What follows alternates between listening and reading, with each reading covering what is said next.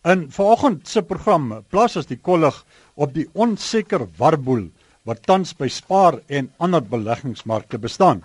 Wat tot gevolg het dat 'n menigte mense erg verward is en selfs raad op is oor wat om met hulle spaargeld te doen. Die situasie raak selfs meer ingewikkeld as mense gedagte hou dat ons vinnig jaar eindse kant toe staan wanneer beleggingstermyne soos die van rentedraende beleggings verstryk. Intussen is die harde werklikheid dat 'n mens 'n ordentlike beleggingsbestemming vir jou geld moet vind om noodsaaklike opbrengste en beleggingsgroei te skep. Vanoggend maak ons die lyne oop sodat luisteraars ons regstreeks in die ateljee kan skakel en self hulle vra oor waarom hulle geld te spaar of waarom nie te spaar nie aan ons finansiële beplanner en beleggingskundige kan stel en die beleggingskundige wat die vraag gaan beantwoord. Dis uh, Amelia Morgenrood, portefeuljebestuurder by PSG Wealth Ferry Glen in Pretoria. Goeiemôre Amelia. Goeiemôre Andries en luisteraars. Amelia, verduidelik ter aanvang uh, wat in die beleggingsklimaat aangaan wat dit tans vir 'n mens bitter moeilik maak om die regte spaar of dan kom ons sê nou maar as jy baie breër kyk beleggingsbesluite te neem. Ja, Andries, daar's baie dinge wat gebeur wat beleggers se gedagtes besig hou en hulle beleggingsbesluite beïnvloed.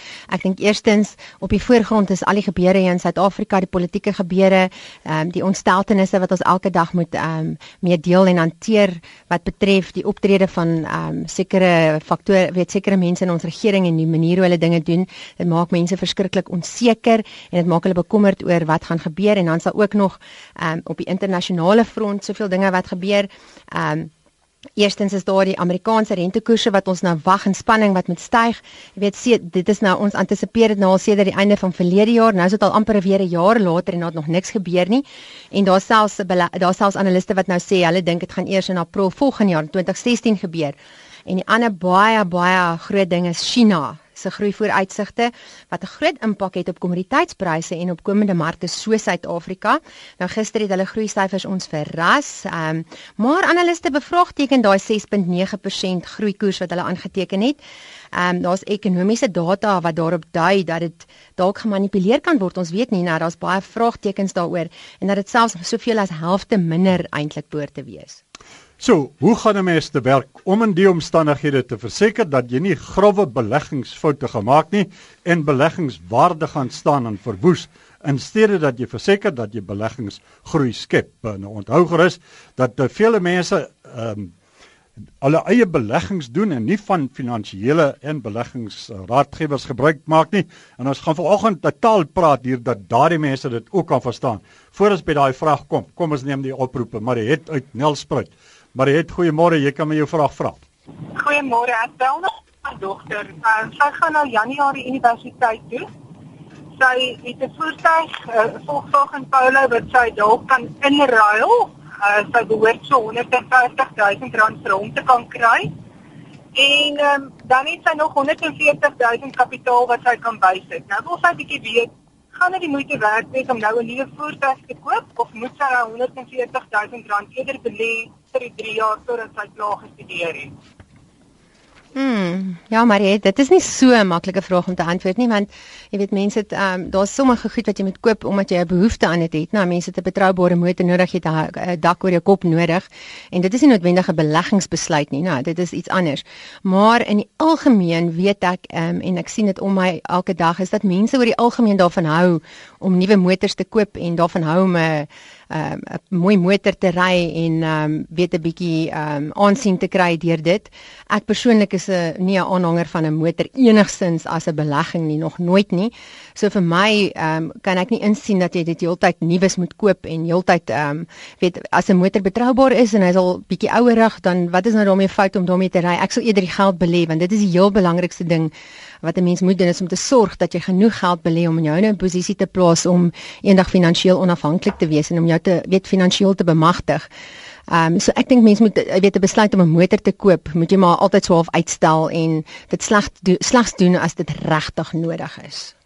Ja, daar's uh, beleggingskundiges uh, wat uh, as jy by hulle kom uh, Amelia en jy sê vir hulle vra wat se beleggings jy, jy sê jy sê maar ek het nog twee motorkarre ook dan sê hulle wag wag wag wag. Kyk, 'n motorkar is 'n vervoermiddel ja. en 'n uitgawe. Moet hom nie sommer net as 'n belegging opskryf nie. Nee, nee, absoluut nie. Ons uh, praat nou met uh, Leslie in uh, op Britstown. Leslie, goeiemôre. Jy kan my jou vraag vra. Goeiemôre Andries. Ek het net een vanaand gevra. Ek het 'n belegging van 5 miljoen rand, maar as ek dit in die bank belê, vas belê, sekere tydperk, 6 maande of 12 maande, dan kry mense redelike goeie opbrengste, sê tussen 24 na 30 000 'n maand. Maar nou het ek 'n eiendom wat ek wil koop van 'n miljoen rand. Dis my beter om die eiendom uit die opbrengste van die vaste inkomste te te betaal as om die kontante miljoen rand neer te sit wat jy nou weer met 'n paaiement van 10 11000 rand 'n maand uh moet terugbetaal. Is dit 'n goeie opsie? Ek sal julle verder op die radio luister. Kyk Leslie, um um om 'n huis te koop, um en die vraag te vra moet jy die verband afbetaal of moet jy liewer die geld belê? Dis eintlik 'n redelike eenvoudige vraag want die rente wat jy gaan betaal op die verband, kom ons sê jy kry dit teen prima wat 9.5 is op die oomblik, 9.5%. Dan moet jy vir jouself vra, kan jy 'n beter opbrengs kry as 9.5% op 'n ander belegging?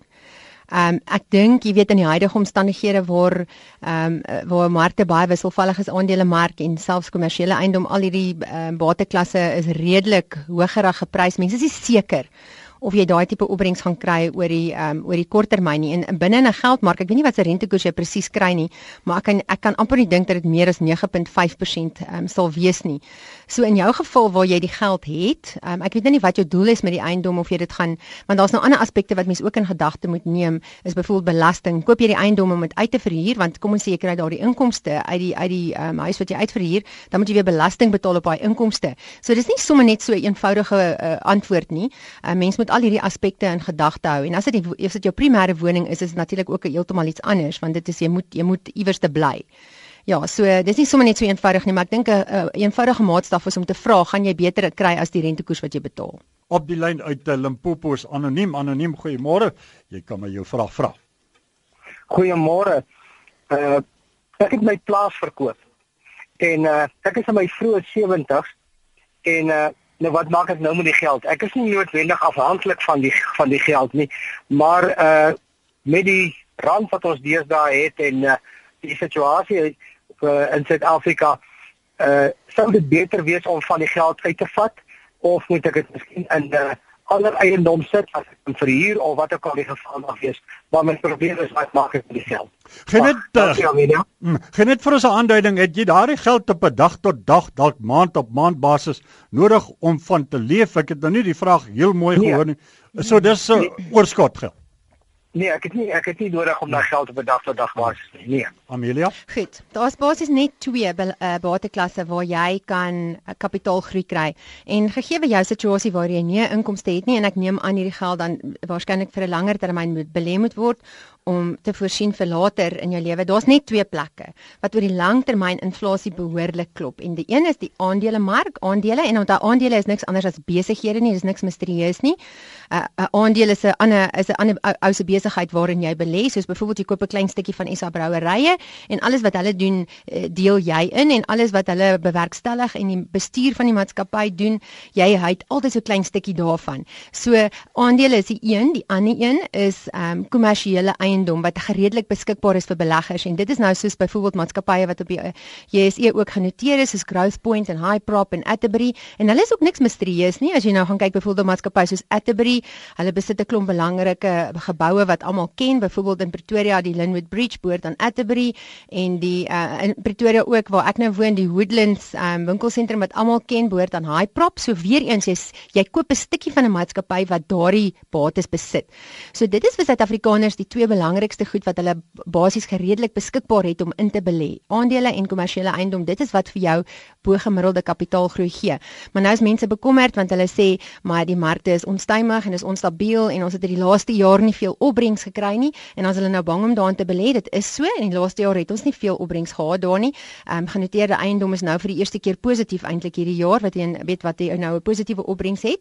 Maar dit beteken nie dat jy moet tydsberekening probeer toepas nie en dan saam met dit, daai twee bate assetklasse wat ek nou van gepraat het, hulle is ook beskikbaar in die buiteland. So mense kan altyd 'n stukkie van jou geld dan vat en sê maar in in die FSA of in Engeland of waar ook al in maatskappye daar belê in besighede of in in kommersiële eiendom en dan sodoende kan jy nou oor die langtermyn vir jouself 'n welvaart skep. Want onthou, hoewel ons die laaste jaar nie veel opbrengs gehad het nie, kan daar weer in die toekoms jare kom wat jy bo gemiddelde opbrengs kry. So oor die langtermyn sal dit dan swaalf mekaar dit sal swaalf ehm um, dit mekaar bietjie uitkanselleer en kan jy redelik staat maak op sê maar tussen 10 en 15% per jaar. Ons uh, verskuif na Deelswil in die Vrystaat. Ons praat met Boet. Boet, goeiemôre. Jy kan my jou vraag vra. Goeiemôre, eh uh, Andries en uh, Amelia Morgenrood, dit Boet Grobler in Deelswil. Ek wil vinnig en kort vra aan ander mense ook aanskryf. Ons ons het 'n miljoen rand wat ons oor 5 jaar eh uh, eh uh, uh, los het. Nou ons het dit by Ellen Gray belê, maar maar ons ek kry nie 'n noemenswaardige groei nie. Moet ons dit daar los of moet ons na ander rigtings kyk? Ons het gehoor van daai uh, twee ander portefeuilles die aandele in die eiendom. Ek luister verder op die radio. Ek ek gee die die feit dat jy um, jy sê jy het nie opbrengs gekry nie, neem ek aan van daardie geld moet definitief in aandelefondse wees want soos ek gesê het in die laaste jaar was daar nie veel opbrengs nie, maar dis juis nou wat jy nie moet rondskuif nie. As jy in aandelefondse is en is geld wat jy eers in die langtermyn gaan nodig hê, is daar geen nodigheid van vir jou om rond te skuif nie. As jy byvoorbeeld in die Allen Gray gebalanseerde fondse is en in die Allen Gray Equity Fund, ehm um, dink ek vir die langtermyn is jy baie veilig en jy kan dit net daar los.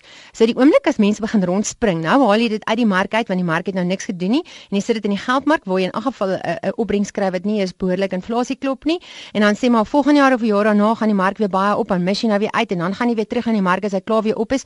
So daai tipe skuwe moet 'n mens nie sommer net heeltyd maak nie. Tensy jy die kontant nodig het vir iets anders, dink ek mens moet net daar bly. Ons uh, verskuif na Mpumalanga op die lyn is Johan. Goeiemôre Johan, jy kan my jou vraag vra. Môre Andri nou net twee vrae. Ek het so 300 000 rand, ek het nie skuld nie, ek is 63 jaar oud. Uh en ek het so uh, maar 10 000 rand 'n maand so.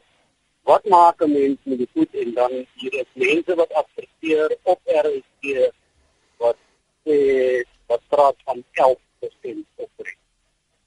Jo, Johan, goed, die eerste ding wat ek vir jou wil sê is enige persoon wat na jou toe kom en vir jou sê hulle kan vir jou enige vorm van 'n opbrengs gee, dink ek jy moet onmiddellik met bietjie agterdog beheen tensy dit in 'n geldmark is en hulle kan vir jou sê ons gaan dit vasbelê vir 6% vir die volgende jaar. Dit kan jy glo. Maar enige iemand wat vir jou enigiets anders sê, moet jy onmiddellik dink, jy weet, waar, waarmee is hierdie persoon besig? Want daar bestaan nie so iets nie.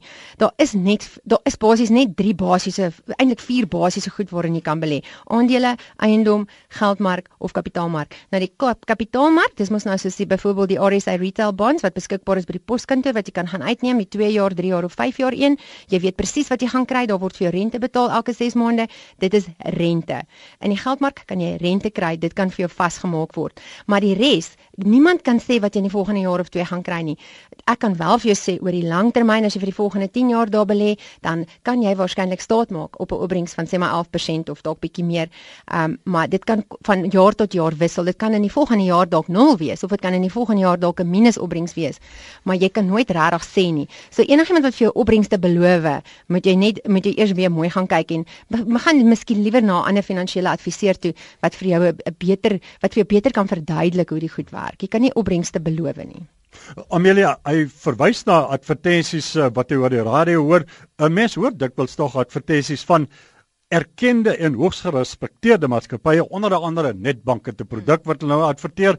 Ek praat onder korreksie, ek dink dis 7,25% per jaar Capitec is daar mm. afhangende van die termyn, afhangende van die bedrag wat jy insit, 8% plus. So daar is hierdie tipe van baie aantreklike aanbiedinge wat kom van hoogs gerespekteerde mm instansies wat doen 'n mens met die? Dit is presies waarna ek verwys het, geldmark of kapitaalmark.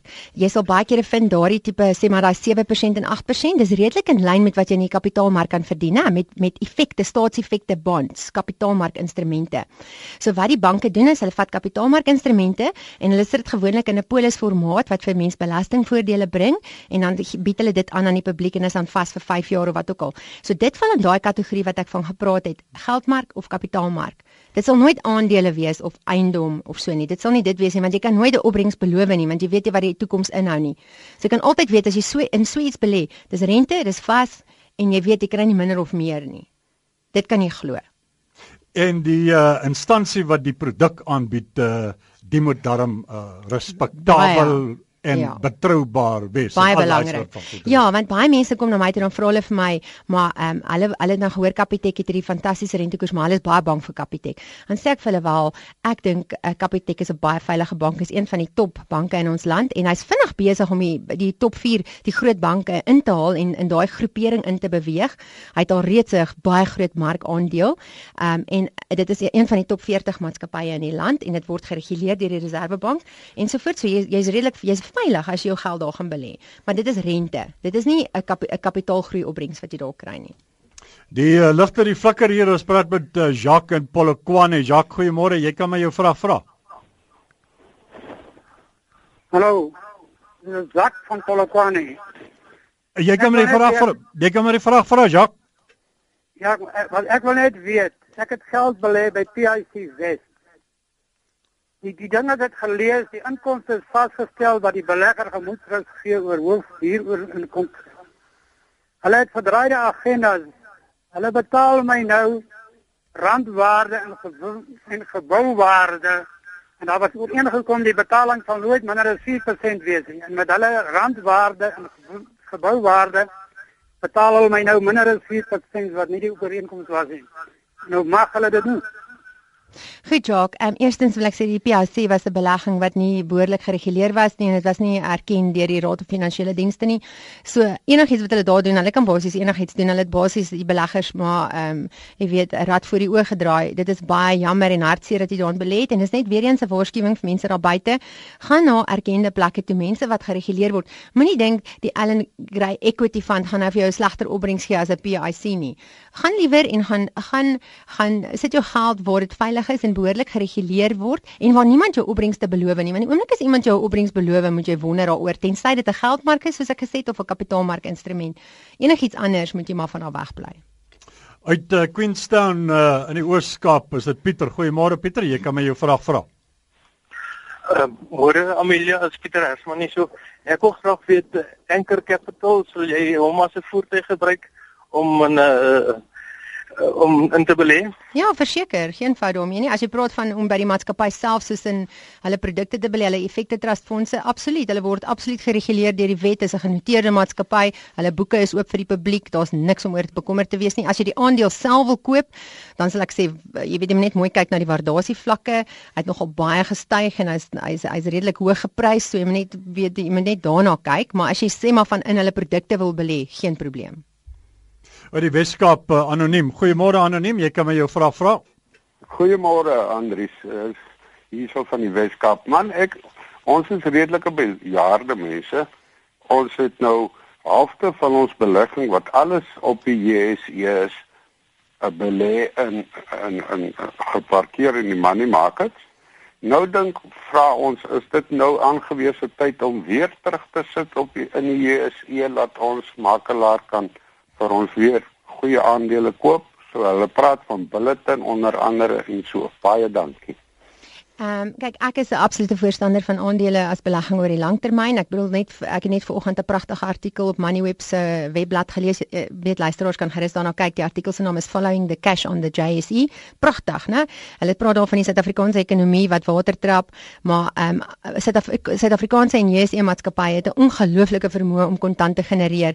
Hulle sê ehm um, die Suid-Afrikaanse maatskappye wat genoteer is, sit op kontant van 522 miljard rand. Dis 11% meer as 'n jaar gelede. So ondanks al die uh, politieke onsekerheid en al die negativiteit in die wêreld is maatskappye het 'n vermoë om geld te maak en hulle het 'n vermoë um, om vir aandeelhouers winste te genereer. So ek is altyd 'n voorstander. Ek ek persoonlik glo nie daarin om jou geld sê maar in en uit die mark uit heeltyd te haal nie, selfs al is die mark hoog, want hoe weet jy nou? Jy weet dit is nou al 2 jaar wat almal sê die mark is hoog. So as jy nou uitgebly het, het jy nou die laaste 2 jaar se dividende verloor en daar's van die maatskappye wat baie goed gedoen het. Jy weet wat hoewel die mark die aan die hoewel die mark nie veel gedoen het nie, was daar uitskieters. Kyk maar vir SA Brouwerye en Medikliniek en 'n paar ander maatskappye. So ek is al absolute voorstander van aandele, goeie maatskappye wat goeie kontant genereer oor die langtermyn um, om in hulle belê te wees vir die langtermyn. Ja, so my antwoord sal sê sal wees ja, dit kan wees dat die mark op 'n stadium weer terugval. Hy's nogal bietjie wisselvallig op die oomblik, maar mens moenie te veel bekommerd wees daaroor nie. Jy kan maar net deur dit sit en weer wag.